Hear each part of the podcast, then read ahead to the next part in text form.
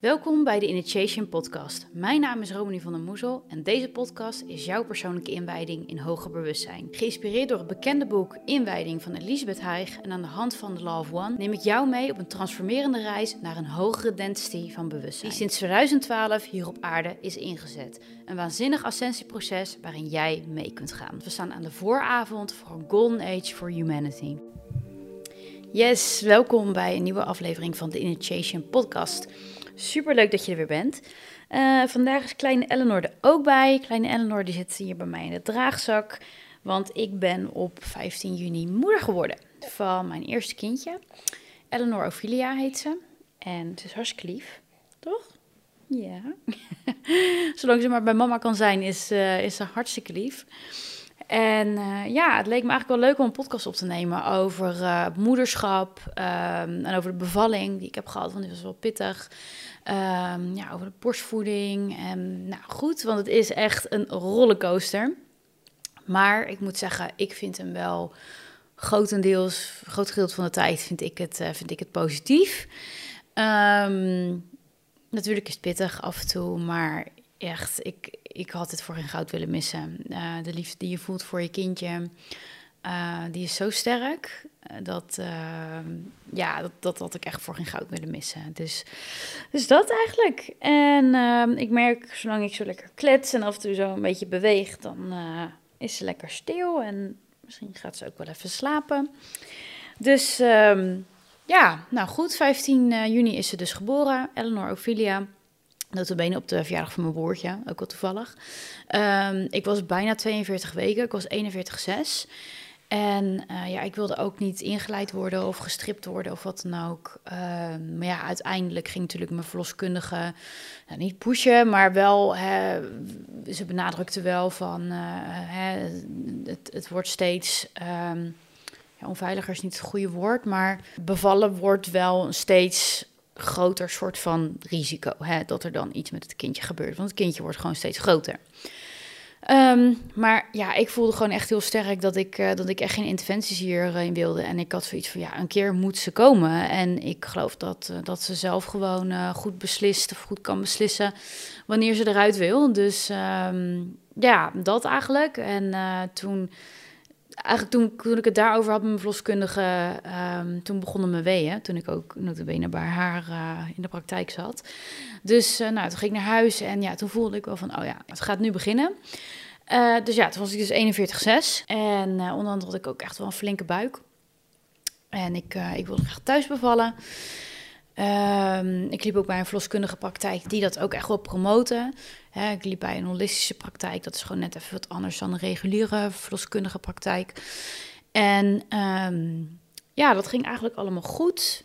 Uh, Doula was er ook bij en um, ja, mijn vriend natuurlijk. Alleen, um, ja, s'avonds toen, uh, rond een uurtje of twaalf, toen uh, ja, was mijn ontsluiting eigenlijk nog maar heel erg weinig. We hadden wel verwacht dat het echt al veel meer zou zijn. Dat was eigenlijk een beetje een domper uh, voor mij. En toen is het hele geboorteteam naar huis gegaan. En ja, mijn verloskundige die verwachtte eigenlijk dat, het, dat deze bevalling misschien nog een dag of drie, vier kon duren. Dus dat zoiets van, nou, trek jij maar even gewoon terug met je partner. Probeer nog wat te slapen. En dan uh, zie je ons in de ochtend weer. Nou, de, het geboorteteam was eigenlijk nog geen uur weg. En mijn weeën werden zo ontzettend heftig. Dat mijn vriend, die moest echt, nou ja, ik had echt nou, begonnen om de drie minuten en toen om de twee minuten. Toen zelfs elke minuut uh, moest hij echt aan mijn billen schudden, moest hij tegendruk geven. En, en ja, het was zo zwaar. Die nacht heeft echt onze relatie wel op de proef gesteld. Maar uh, ja, we zijn geslaagd voor de test. Omdat hij heeft echt zo ontzettend zijn best gedaan voor me. En um, ja, wauw, dan denk je wel van wow, uh, wat ja, wat heb ik eigenlijk een fijne partner ook naast me, weet je. Dus uh, nou, dat, dat was heel heftig, maar aan de andere kant ook heel mooi als we erop terugkijken. Maar ja, de volgende ochtend toen, uh, ja, die, die weeën die bleven zeg maar uh, heel de nacht dus steeds erger en steeds erger worden. En ik op een gegeven moment had ik zelfs op persdrang en in de ochtend, ja, zette dat ook gewoon door. Dus ja, ik dacht wel van, nou, hè, nou, moet toch eigenlijk snel gaan. Ik zal toch geen bevalling van drie dagen hebben. Ik bedoel, ergens vandaag heb ik toch wel mijn kindje in mijn armen. Nou, ik had inderdaad dan ook meer ontsluiting uh, in de ochtend, maar alsnog niet heel veel, maar vijf centimeter. Dus, um, maar ja, die weeën die waren zo ontzettend pijnlijk gewoon. En ik, ja, kan me van mezelf zeggen dat ik op zich wel een redelijk hoge pijngrens heb. En nou, natuurlijk ook wat van meditatie weet, ademwerken en dat soort dingen. Maar ik kon alleen maar brullen. Ik was echt een soort van wild dier, was ik. het was zo heftig. En ik, ik, ik schreeuwde de tijd van, ja, ze wilde eruit, ze wilde eruit. Ik voelde zoveel druk al beneden. Maar ja, ik kon niet persen, want ja, dat had helemaal geen zin bij 5 centimeter ontsluiting natuurlijk. Dus op een gegeven moment zat ik weer op mijn handen en knieën. En we waren nog thuis. Ik had ook altijd in het bad gezeten en zo. Maar op een gegeven moment wilde ik daaruit. En op een gegeven moment zat ik op mijn handen en knieën. En uh, ik hoorde zo pat. En ik dacht, oh mijn god, daar is ze. Dacht ik zo één seconde. En toen uh, zei mijn verloskundige, dat waren je verliezen. Toen dacht ik, nu pas. Nou, dus toen was ik al bijna 24 uur was ik toen bezig. Maar ja, we keken naar het vruchtwater en dat was gewoon bruin. Dus uh, mijn verloskundige zei van, ja, we gaan gelijk naar het ziekenhuis. En uh, ze zegt, ja, weet je, als ik het hoofdje had gezien... of uh, ja, wij spreken 9 centimeter ontsluiting... dan had ik het wel hier thuis met je af willen maken. Dan had je terug in het bad gekund. Maar ja, dat ging niet. Dus, ehm, en zij had volgens mij ook wel door dat er iets niet klopte... met de persdrang die ik al had... en het aantal centimeters ontsluiting dat ik, dat ik had... Dus um, ja, wij naar het, eh, naar het ziekenhuis. Nou, onderweg ook uh, alles bij elkaar gebruld. Want die, uh, die weeën die bleven maar met, aanhouden met die persdrang. Ik snapte er ook helemaal niks van. Dus ja, ik werd dat ziekenhuis ingereden en ze dachten dat er een baby aankwam binnen, binnen een uur, zeg maar. Nou, dat was niet zo. Dus uh, de verloskundige van het ziekenhuis die zei van, joh, je hebt al persdrang. Dat is wel heel raar bij 5 centimeter ontsluiting. En dat vorderde ook niet verder meer. Ik was zelfs aan het verharden. Dus ze zegt, ja, ik heb het idee dat het kindje misschien, dat er iets aan de hand is, of dat het kindje andersom ligt, of wat dan ook. Nou, natuurlijk even dikke paniek. Nou, ik was, werd gelijk aan de echo gelegd en toen zagen ze inderdaad dat ze in sterrenkijker lag. Dus dat verklaarde een hoop. Uh, aan de andere kant was het wel geruststellend, want er is helemaal niks met het kindje dan aan de hand. Alleen, ja, je hebt gewoon een pijnlijke bevalling. Dus uh, ja, toen heb ik het wel nog even volgehouden zonder pijnstilling. Want hè, mijn doel was natuurlijk uh, thuisgeboorte, um, een natuurlijke thuisbevalling. maar ja, dat lukte niet. En op een gegeven moment brilde ik echt om een keizersnede, omdat ik het gewoon niet meer aankon. Uh, elke keer op die piek van de, van de wee, die ook echt wel lang aanhield. Ja, ik ging gewoon bijna oud. zo heftig. En uh, ja, er gebeurde maar niks van onderen, weet je. Dus ze kwam er maar niet uit natuurlijk. Ik, ik mocht maar niet persen. Dus uh, toen zei mijn verloskundige, die er gelukkig ook bij bleef... die, die zei van, joh, vraag nou gewoon om een ruggenprik. Nou, uiteindelijk ruggenprik genomen. Um, ja, was ook heel fijn dat die, dat die gewoon op de kamer werd gegeven... Dus ik hoefde niet naar boven, ik hoefde ook niet te wachten. Die kwam gelijk. En eigenlijk toen ik die ruggenprik had, oh mijn god, dat was echt zo'n lifesaver. Vanaf daar is het eigenlijk heel, ja, nou ja, niet natuurlijk. Het is een soort van synthetisch gegaan, maar naar mijn gevoel wel natuurlijk. Omdat ik, omdat de nagomen ontsluiting vorderde. Omdat ik niet meer die, um, die persdrang, zeg maar, had. Ik had niet meer heel erg die, die pijn van die wee. Ik had wel nog druk op mijn stuitje. Dat dan te verklaren eh, was vanwege het feit dat ze dan in sterrenkijker lag. Maar ja, dat nam zoveel pijn mee dat ik weer aan het verzachten was. Dat mijn baarmoedermond weer aan het verzachten was. Zodat die ontsluiting weer op gang kon komen. Dus eigenlijk was dat echt super fijn. Ook voor mijn vriend. Want mijn vriend, die, uh, toen hij de kamer inkwam, dat ik die ruggenprik had gehad. Want die was zo even iedereen aan het bellen. Uh, toen uh, uh, zag hij eindelijk een ontspannen gezicht bij mij. En die, die zei van, oh mijn god, eindelijk, weet je, eindelijk is het nu, wordt het nu een beetje normaal. dus ja, ook voor hem was dat gewoon heel fijn. En ehm, ja, die wist op een gegeven moment ook natuurlijk niet meer wat, hij moest doen. Dus um, ja, vanaf daar is het eigenlijk super fijn gegaan. Ook in het ziekenhuis. Ik heb echt een hele fijne ziekenhuisbevalling gehad.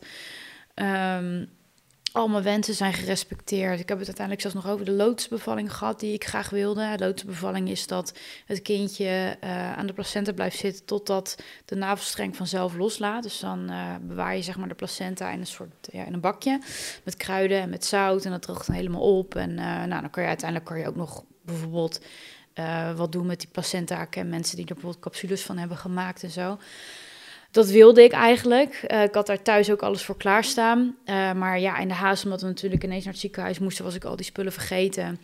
En uh, zei ik tegen de verloskundige van, nou, laat maar zitten, dat hoeft dan niet. Maar ze, ja, ze voegen daar wel echt naar. Ze stonden daar ook voor open. Dus ik moet zeggen dat ik misschien ook wel een beetje een ouderwets beeld had gekregen bij het ziekenhuis. Um, en ook, um, ja, weet je, verhalen van andere dames had gehoord die gewoon niet zo positief waren. Um, maar ja, nogmaals, mijn, uh, mijn ervaring was dus heel, heel fijn eigenlijk. Um, dus ja, en ook, uh, nou, gelukkig geen, niet geëindigd in een keizersnee, ook niet uitgescheurd of wat dan ook. Dus ja, ik kan niet anders zeggen dat het daarna gewoon heel, heel goed is gegaan. Dus daar ben ik heel blij mee.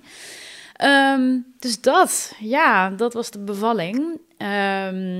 Ook weer een hoop lessen voor mij. Ja, een stukje verzachten, denk ik.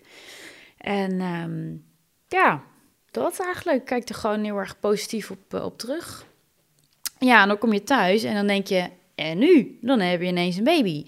Nou, gelukkig uh, hè, hebben wij uh, kraamzorg in Nederland. Want ik, ik hoor dus van mijn kraamzorg dat het ook... Ik dacht dat, dat het in elk westers land wel was. Nou, dat is helemaal niet zo. Nederland is er dus best wel uniek in. Um, en ja, wij hadden echt een super fijne kraamzorg. En die heeft ons zo goed geholpen. En um, ja, dus dat eigenlijk. Hè. Zij is echt een soort van coach. Nogmaals, je komt thuis met een baby en denkt... Oh my god, wat moet ik doen? Dus um, ja, dat is eigenlijk allemaal ook heel goed gegaan. En uh, ja, het was mijn doel om, uh, of mijn wens om 100% borstvoeding te geven. Um, dat lukte helaas niet helemaal in het begin. Hè, baby's die vallen eerst een, uh, best wel wat af uh, na de geboorte. Uh, en dan uiteindelijk gaan ze weer groeien in gewicht natuurlijk. Alleen ze mogen dan niet onder een bepaalde grens komen. En Eleanor die ja, tikte dat toch wel een beetje aan. Die bleef dan een beetje afvallen. En toen hebben we wel bijgevoed. En dat hebben we eigenlijk um, doorgezet. Omdat mijn productie was goed, maar niet waanzinnig. Um, dus ja, het was wel beter om, uh, om haar gewoon bij te voeden. Um, en dat was ook leuk voor mijn vriend, weet je. Die kon, uh, die kon dan ook uh, af en toe een flesje geven. En uh, dus ja, dat. Um, alleen ja, ik was niet, ik ben gewoon niet zo heel, was toen niet zo heel erg blij met, met, met flesvoeding, omdat ik eigenlijk geen flesvoeding kon vinden waar geen raapzaad of koolzaadolie of zo in zat. ook al gebruikte je geitenmelk of, of wat dan ook. dus dat vond ik wel minder. En toen dacht ik van ja, shit, ik had toch als doel om 100% uh, borstvoeding te geven, weet je. Maar ja, als je dan te veel over gaat nadenken, dat is ook niet echt goed voor je productie. Dus ik had zoiets van, nou, I let it go, weet je, het is wat het is en uh, we zien het wel. Nou, toen was Eleanor drie maanden en dat is dus nu, um, of nee, tweeënhalve maand volgens mij pas. Nou, zo tweeënhalf, drie maanden. Dus dat is nu vier weken geleden. En toen pakte ze in ieder geval of ineens de fles niet meer. Helemaal niet meer. Gewoon van de een op de andere, van de andere dag spuugde ze de fles uit. En wij dachten echt, nou, wat is dit nou, weet je? Nou, Nutrilon geprobeerd, hip geprobeerd, uh, zelfs moedermelk. Uh, uh, mijn gekolfde melk, waar ik, uh, ja, waar ik gewoon heel hard voor moet werken, om zo maar te zeggen. Uh, hoefden ze niet meer uit de fles. ook niet als ik eerst aan de borst leg en daarna de fles. We deden van alles. Vliegtuigje geprobeerd. Nou, helemaal niks. Echt. Van de een op de andere, dag dus geen fles meer. Nou, dat is nu vier weken geleden. Dus ik geef voor vier weken alleen maar borstvoeding. Dus mijn, mijn wens is toch soort van uitgekomen. En dat vond ik in het begin vond ik dat wel echt pittig hoor. Um, omdat je, ja, weet je, omdat ik gewoon geen waanzinnige overproductie had, moest ik haar zo vaak per dag aanleggen om toch uh, haar verzadigd te krijgen.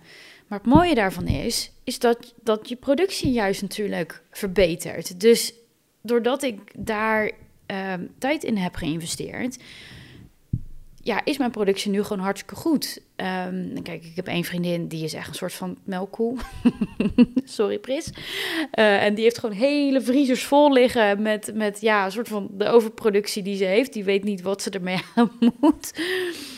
Dat heb ik nog steeds niet. Uh, ik kan zeg maar niet en 100% borstvoeding geven en dan ook nog volop erbij kolven. Dat heb ik niet. Uh, maar ja, ik heb er gewoon voor gekozen om gewoon niet te kolven en um, ja, gewoon lekker borstvoeding alleen maar te geven. Dus ja, dat vind ik eigenlijk echt, uh, echt super mooi. Want ja, daarvoor, uh, of daardoor krijgen ze dus niet meer die, die, die raapzaadolie, uh, koolzaadolie, zonnebloemolie binnen. Want ja, ook bij baby's triggert dat gewoon heel snel ontstekingen. Weet je, zeker als je dan geen borstvoeding erbij geeft. Als ze die antistoffen niet meekrijgen. Maar ja, ze krijgen wel volop. Um, die plantaardige oliën binnen, ja, dan, dan, dan zitten die baby's gelijk hoog in ontstekingswaarde. Ja, dat wil je gewoon echt niet. Dus ehm, ja, nogmaals, daar, daar ben ik eigenlijk heel erg trots op. En ehm, ja, ze groeit daar uh, waanzinnig goed op, bovengemiddeld zelfs. En ehm, ja, ik doe eigenlijk alles heel erg natuurlijk en instinctief. ook dat wilde ik heel graag. Maar dat is natuurlijk ook niet altijd af te dwingen, maar toch lukt dat wel. Ze slaapt bij mij in bed of bij ons in bed. Uh, soms slapen we apart, soms slapen we met z'n drie in bed. Um, ze zit eigenlijk altijd in de draagzak. Nou, nu bijvoorbeeld ook. Daardoor kan ik dan ook uh, hè, kan ik, uh, kan ik weer werken. En ja, geeft dus 100% borstvoeding. En ja, even een kusje. Daardoor ehm, merk ik dat, ja, dat is gewoon heel lief en vrolijk en easy babytje af, af en toe. nee, altijd eigenlijk. En uh, natuurlijk is ze ook wel eens jengelig, maar ja, dan merk ik gewoon dat ze moe is. En dan doe ik haar eigenlijk in de draagzak en dan, dan slaapt ze heel snel. Dus ja, dat gaat eigenlijk hartstikke, hartstikke goed. En ik moet ook zeggen dat ik echt vind dat het moederschap nieuwe deuren openzet in mijn spiritual awakening. Um, dat is eigenlijk een beetje tweeledig. Dat is zowel positief als negatief. Dan ga ik natuurlijk zo meteen uitleggen waarom dat ook negatief is.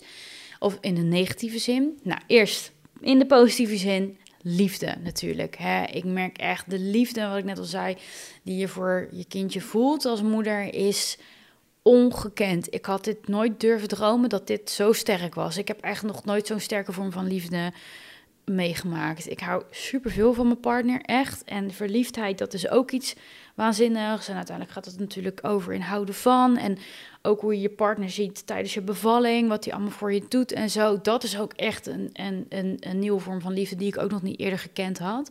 Alleen, ja, wat je voelt naar je kindje, dat is natuurlijk ook heel erg beschermend. En ja, dat, ja, het is gewoon heel erg, uh, heel erg mooi.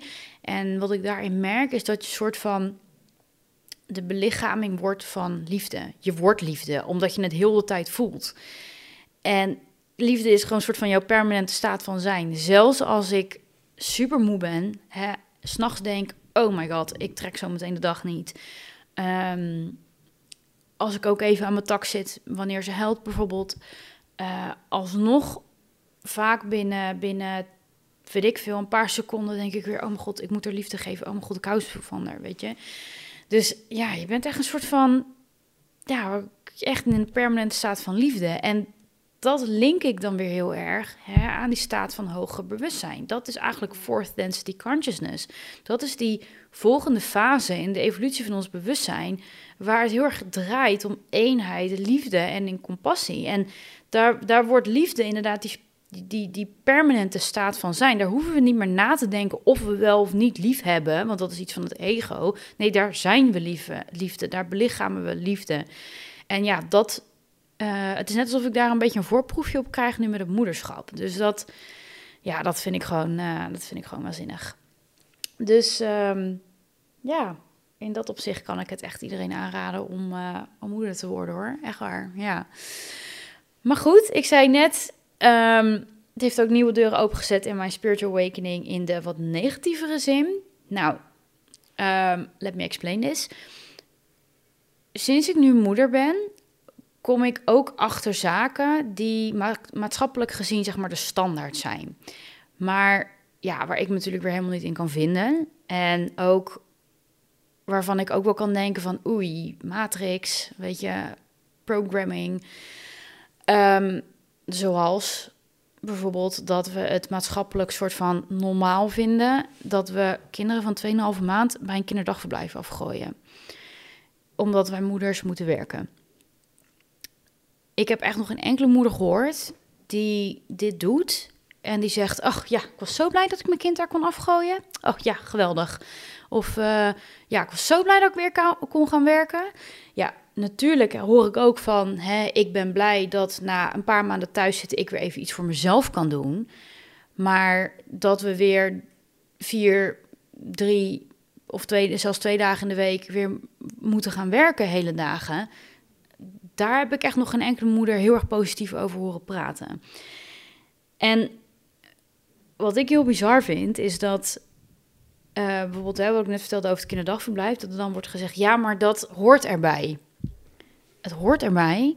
Wacht even. Het hoort erbij dat jij je kind bij het kinderdagverblijf afgooit, zelf in tranen bent, je kind waarschijnlijk in tranen is. Dat hoort erbij. Nee, nee, nee, nee. Dat is jouw moederinstinct die zegt dat het niet normaal is. Dat jij bij je kindje hoort te zijn. En ik, ik weet dat, hè, uh, dat we in het kader van emancipatie alle, allemaal moeten werken, wij, wij vrouwen. En dat is in zekere zin ook iets moois.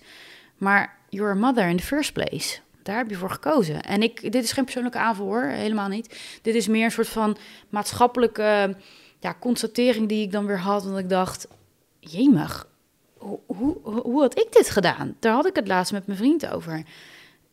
Hè, toen, het, toen, zo, uh, ja, rond, toen zij ongeveer 2,5 maand was, drie maanden was, dat ik tegen, tegen uh, Rut zei van ja, ik had nu ook weer gaan werken. Hoe dan? Bijvoorbeeld drie of vier dagen in de week. En dan heb je misschien met je, met je aanvullend verlof dat je dan maar twee dagen hoeft te werken. Maar zoals dan. Dat was ook het moment dat ze die fles ging weigeren. En dat ik juist 100% borstvoeding ging geven, wat ik zo graag wilde doen. Um, ja, ik, ik had haar ook niet bijvoorbeeld uh, hele dagen bij een opa of een oma af kunnen gooien. Dat, dat ging ook niet. Zij mist mij gewoon. En zij heeft mij gewoon nodig. Dus ja, ik zei dat zo tegen Rut. Ik zeg, joh, hoe, uh, hoe, hadden wij dat dan gedaan? Hij zei van, nou, een van ons had echt ontslag moeten nemen dan hadden we wel uitgekomen dan. Dan hadden we wel gezien hoe we het gedaan hadden. Maar één van ons had bij haar moeten blijven. Nou ja, dat had ik dan waarschijnlijk geweest. En ik zeg je eerlijk, ik had lachend ontslag genomen om bij mijn kindje te zijn. Echt waar. Ik voel heel sterk, I'm a mother in the first place. En een businesswoman of carrièrewoman second. Dus ja, mijn hart breekt echt, weet je wel. Als je dan zo'n klein babytje af moet gooien een hele dag. Weet je, ook eens maar één dag in de week. Een hele fucking dag, bijvoorbeeld. Ja, ik weet niet goed hoe het werkt. Ik, ik, misschien uh, het gebeurt ook dat je ze er maar een paar uurtjes afgooit. Maar ik heb ook wel een beetje... Ook, ja, ik weet niet. Ik heb er gewoon geen fijn gevoel bij. Dat dan ook zo'n klein babytje die ook nog niet kan praten... dan ook achtergelaten wordt bij vreemde mensen. Dat, ja, ik weet niet. Ik vind dat dan weer echt zo'n maatschappelijk ding... dat ik denk van... Jeetje zeg, we, we, staan weer heel ver van onze natuur vandaan, weet je. En we, we negeren eigenlijk die instinctieve moedergevoelens van ik wil bij mijn kind zijn en niet op mijn werk. Die negeren we omdat we naar werk moeten, omdat we een hypotheek hebben die we moeten betalen, hè? omdat de economie ingericht is op, op twee verdieners. Ja, waar gaat het eigenlijk over? Daarmee zeggen we eigenlijk dat we natuurlijk weer slave to the money zijn. En dan denk ik, ja, Matrix, weet je. Dus ja, ik, ik, uh, ja, ook voor een stukje hechting ehm, is het natuurlijk gewoon eigenlijk belangrijk dat je gewoon, of dat we gewoon, laat ik dan even zo gaan praten. nogmaals, dit is echt geen persoonlijke aanval of iets. Ik, ik uh, probeer het puur een beetje uh, als kritiek te uiten op de, op de maatschappij. De maatschappij is ingericht. Um, maar dat we ja, dat we, dat we uh, echt stil gaan staan bij die, bij die hechting, weet je. En dat het eigenlijk gewoon, dat we minimaal als moeder gewoon een half jaar fulltime met ons babytje kunnen zijn. En dat vind ik echt minimaal, weet je. En wil niet zeggen dat je helemaal niks kan doen voor jezelf daarna. Als ik nu naar mezelf kijk bijvoorbeeld, ik deel mijn eigen tijd in. Ik werk ook, ben nu ook aan het werk. Ik ben een podcast op te nemen. Zij zit bij mij in de draagzak.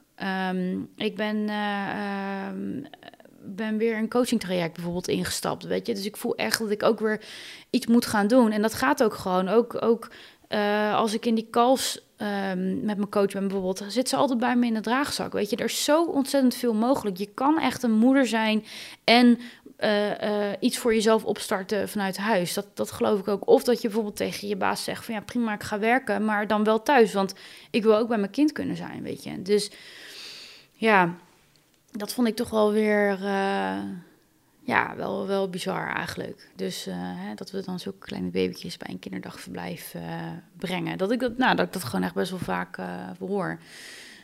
Um, dus ja, dat. Um, ja, nou, en voor de rest, ja, borstvoeding vind ik ook wel. Um, ik, ik had verwacht dat ook meer vrouwen eigenlijk borstvoeding zouden geven. Ook nogmaals geen kritiek, maar gewoon weer even een constatering. Want hier merk ik ook weer dat maatschappelijk gezien er helemaal geen educatie is over überhaupt borstvoeding, hoeveel tijd het kost, hoe pittig het kan zijn voor de moeder, uh, hoe, al, hoe uh, je soms kan voelen dat je daar alleen voor staat, hoe, uh, wat clusteren is met een, met een baby. Hè? Dat ze echt continu blijven vragen, dat je ze continu moet aanleggen, dat je soms wel uren achter elkaar zit. Om, om dat kindje verzadigd te krijgen. Ja, dat is ons allemaal nooit geleerd. Dus omdat het denk ik zo kan tegenvallen, om zo maar te zeggen, uh, ja, is die flesvoeding er. En denken we volgens mij gewoon heel veel, ja, fuck it, weet je, ik geef wel gewoon fles. En dan gaat die productie van die, van die moedermelk natuurlijk ook weer achteruit. Ja, en dan denken we op een gegeven moment helemaal van, ja, laat maar zitten. Uh, dus dat is iets heel begrijpelijks, maar vind ik wel weer iets bizars. En ik vind echt dat daar wel meer, ook misschien vanuit de verloskundige, want ik heb bijvoorbeeld wel echt met mijn verloskundige daarover gezeten. Ook een les borstvoeding gehad. En zij vertelde dat me ook van, joh, sommige vrouwen die denken dat ze daar met drie keer tien minuten per dag vanaf zijn, maar weet dat dat niet zo is. Weet dat dat meer tijd kost, nou, bla bla bla. Dus dat vond ik op zich wel een mooie, mooie ja, soort van voorbereiding. Alsnog, hè, uiteindelijk moet je het allemaal zelf ervaren in het moederschap, absoluut. Maar ja, dat was echt de enige educatie die ik bijvoorbeeld had gehad met betrekking tot borstvoeding. En ik ben ook wel een beetje van de koude kermis thuisgekomen. Ik dacht echt zo, wow, weet je, man, dit is echt wel gewoon pittig in het, in het begin. Um, maar ja, weet je, je wilt het toch doen uh, voor je kindje. Dus um, ja, ik hoor gewoon heel veel van, ja, ik vier weken borstvoeding gegeven. Ja, ik drie maanden borstvoeding gegeven. Ja, ik, ik hoor niet zo heel veel dames die zeggen van, nou, ik heb minimaal een jaar borstvoeding gegeven. Terwijl ja, weet je, vroeger, en dan bedoel ik echt vroeger, vroeger, toen er echt nog geen, geen uh, uh, flesvoeding was, dus zo'n beetje voor 1900, ja, was het gewoon heel normaal dat kinderen gewoon tot 22 jaar borstvoeding kregen. natuurlijk ook op een gegeven moment andere voeding erbij, maar dat die borstvoeding eigenlijk hetgene was waarmee je het immuunsysteem van je kind bouwt. En dat is nog steeds zo natuurlijk. Um, waar we het eigenlijk met flesvoeding, wat ik net een beetje af, wat ik net al een beetje zei, juist ja, afbouwen, afbreken, om zo maar te zeggen, door die plantaardige oliën die erin zitten. Um, dus daarvan dacht ik ook van, hè, waar gaat dat nou mis? Waarom, wat, wat is nou hetgene waarom vrouwen eigenlijk niet meer zo lang borstvoeding geven? En ja, dat is toch ook weer dat werken. Dat je na drie maanden weer moet gaan werken. En dat het zo'n fucking gedoe is met de kolven op je werk. En um, um, ja, dat daar dan geen ruimte voor is. Of dat het gewoon, uh, ja, het is gewoon heel veel. Het is gewoon uh, ja, heel veel werk, om zo maar te zeggen. En je, nogmaals, je staat er alleen voor, want je partner kan je daar gewoon niet bij helpen. En hè, als je natuurlijk fles geeft, dan kan je partner ook meer doen. Dus ook wel logisch. Maar um, ja, daar vond ik ook wel weer bizar van. Oké, weet je, we gaan dus na drie maanden. Um, als het kindje ongeveer drie maanden is, dan gaan we weer terug naar ons werk. Um, en 9 van de 10 keer is dat dan ook werk wat we eigenlijk helemaal niet zo leuk vinden. Dat is helemaal niet iets wat onze zielsmissie bijvoorbeeld is. Um, dan gooien we dus onze kinderen af bij, de, bij het kinderdagverblijf, waar je zelf nog niet klaar voor bent, waar het kindje nog niet klaar voor is. En we stoppen daardoor ook met de borstvoeding. Echt, what's happening hier, dacht ik. Dus ja, um, ik weet niet, ik, ik, dit heeft echt wel iets in mij aangewakkerd. Um, waardoor ik eigenlijk voel van dat ik, dat ik vrouwen zou willen, uh, of kerstverse moeders zou willen inspireren van hey, je hoeft niet terug naar die saaie job als je een saaie job hebt. Hè. Sommige mensen hebben dat niet. Um, waarvan je eigenlijk voelt, nou, is dit het nou? Moet ik dit nou de rest van mijn leven doen? En dat je dan vervolgens jankend bij het kinderdagverblijf staat om jouw kleine babytje daar af te gooien, waardoor je ook nog eens genoodzaakt bent om eigenlijk te stoppen met borstvoeding geven. Ja, krankzinnig, naar mijn idee, echt waar. Dus ja, nogmaals, ik geloof er gewoon heel erg in dat je, dat je en moeder kan zijn. Uh, want dat is ook onderdeel van jouw zielsmis zielsmissie waarschijnlijk als jij uh, kinderen wil. Maar dat je ook uh, ja, workwise, zeg maar, jouw zielsmissie kan ontdekken en naleven. Vanuit huis, op je, in je eigen tempo, met je kids. Um, en hey, vergeet ook niet dat als jij niet wil werken, als jij fulltime wil moederen, daar is helemaal fucking niks mis mee. We zijn ook daar een beetje gebrainwashed door het hele feminisme. Dat we per se moeten werken als vrouwen. En vergeet ook niet dat daar trouwens ook echt de economische structuur natuurlijk op gebouwd is. Hè, op twee verdieners, ook met hypotheken en zo uh, uh, verstrekken. Um, en ja, dat het nu ook heel erg moeilijk is om als één verdiener überhaupt een huis uh, te kopen. Dat, dat gaat al bijna niet meer. Dus ja, daarvoor zitten we eigenlijk zo gevangen in een systeem.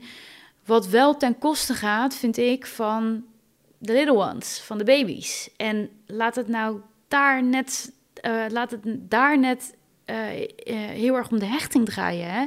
Dat die, die hechting die jij met je kindje hebt in het begin, zijn vruchten gaat afwerpen in het latere leven van het kindje, maar ook van jou natuurlijk.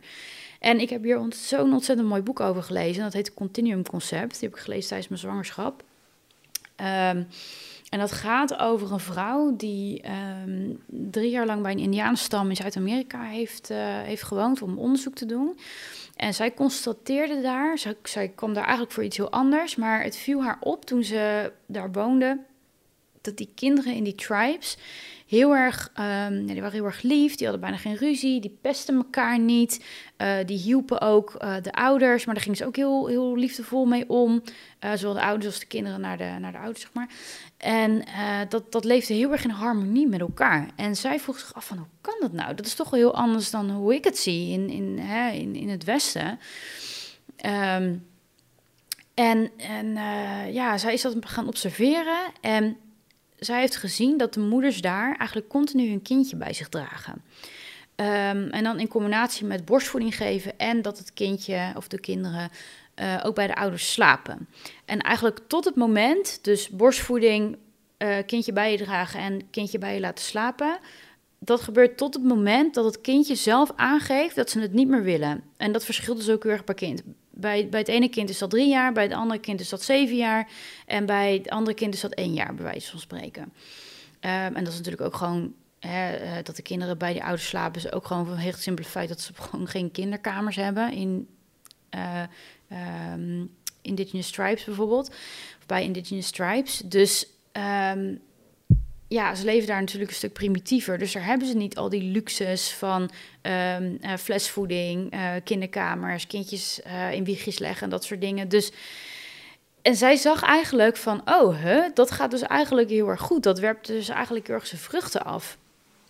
En uh, nou ja, dat concept, dat heet dus de Continuum concept, dat heeft zij dus naar het Westen gebracht. En um, ja, is daar workshops en dergelijke over gaan geven. En uh, ja, heeft daar dus ook, uh, ook, ook dit boek over geschreven. En ja, ik kan het echt aanraden om te lezen. hij is best wel pittig in het Engels, maar je hebt hem op.com ook in het Nederlands. Dus dat, dat kan je ook doen. En ja, dat inspireerde mij heel erg om inderdaad Eleanor zoveel mogelijk bij me te dragen. Um, ja, ik dacht in het begin van, ja, maar ze moet ook slaapjes doen in bed en zo. Want ja, dat is wat normaal is. En ja, dat, je denkt dan van, nou, dat moet ik dan ook doen. Maar Eleanor, die slaapt eigenlijk niet zonder mij. Die, uh, die heeft zoiets van, als ik er in, uh, in haar bedje leg of in het grote bed en ik ga weg, dan heeft ze zoiets van, hallo mama, waar ga je heen? Dus ja, zij slaapt eigenlijk bijna altijd bij mij in de draagzak. En ze slaapt s'nachts heel goed. Uh, ze slaapt niet door, want ik moet er wel voeden nog. Maar ze slaapt wel van. Uh, ze ligt wel in bed van, uh, van 8 tot 8, zeg maar. Dus um, um, ja, weet je, voor de hechting van je kindje is dat gewoon heel erg belangrijk. En dat is dus niet gebonden aan maar 2,5 maand. 2,5 maand is dus super kort. wat ik net zei, er zijn dus ook kinderen die eigenlijk pas bij bijvoorbeeld drie jaar aangeven dat ze er klaar voor zijn om dan soort van op eigen benen te staan. Hè? Um, dus ja, voor, die voor, je, voor de hechting met je kindje uh, is dit gewoon een heel erg mooi concept. En staat dat heel erg haaks op hoe we het hier in het Westen doen. En dat is een beetje het punt wat ik hier wil maken. Van ja, wellicht gaat daar dus ook wel een hoop mis. Um, ja, met. met um, of he, hebben die hechtingsproblemen, laat ik het dan even zo noemen, invloed op het latere leven van het kindje. Ik, ik vind natuurlijk heel, trauma vind ik heel erg interessant. Uh, dat je, dat je uh, voor, voor ascensie, hè, als jij naar een hogere vorm van bewustzijn wil, dan moet je, uh, is, belangrijk, is heling belangrijk, moet je je trauma's oplossen, moet je je schaduwen en zo aankijken. Maar misschien is er in jouw babytijd ook al een hoop misgegaan, bijvoorbeeld, hè, wat naar je onderbewuste is gegaan dat een bepaalde hechting met je ouders niet goed is gegaan. Maar wat wel, uh, ja, letterlijk zijn trauma's heeft achtergelaten. En dat je je weer bewust moet worden van die trauma's, dat je die moet helen voordat jij kan ascenderen. Dus vandaar dat ik dit onderwerp met, van hechting met, met baby's zo ontzettend uh, interessant vind. En dat ik er nu ook achter kom nu ik zelf een baby heb, nu ik zelf moeder ben. Dus um, ja, weet je, dit is zeker wel iets waar je mij meer over gaat horen.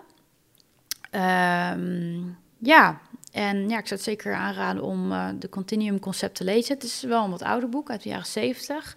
Uh, zij was ook natuurlijk wel heel maatschappijkritisch toen, hè, van hoe uh, we toen met pasgeboren baby's en dergelijke omgingen. Van, hè, dat je ze maar op hun kamertje moest laten huilen, want anders zouden ze afhankelijk van je worden. Nou, dat is gelukkig al niet meer. Dat wordt gelukkig al niet meer gepredikt, godzijdank. Um, want daar, nou ja, hoe wil je direct een trauma bij je kind veroorzaken? Nou, op die manier.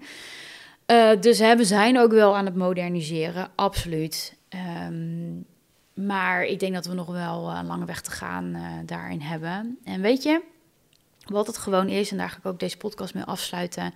Je kunt je kindje nooit te veel liefde geven. Dat bestaat niet. Echt, liefde is de kracht van het universum. Dat is de kracht van de bron. Dat is eigenlijk de enige energie die er bestaat. Um, en dat, is, dat, dat hebben wij allemaal nodig, van jong tot oud. En uh, dus ja, weet je, knuffel je kindje, hou je kindje lekker veel bij je, geef het kusjes, geef het liefde. Um, uh, ja, weet je, dat, dat kan gewoon nooit kwaad. En um, ja, dat is, dat... hoor, ze wordt nu wakker. dus dat eigenlijk. Nou goed, jongens, ik ga hem afsluiten, want mijn kleine die wordt wakker. En um, ik zie jullie weer bij een uh, volgende podcast.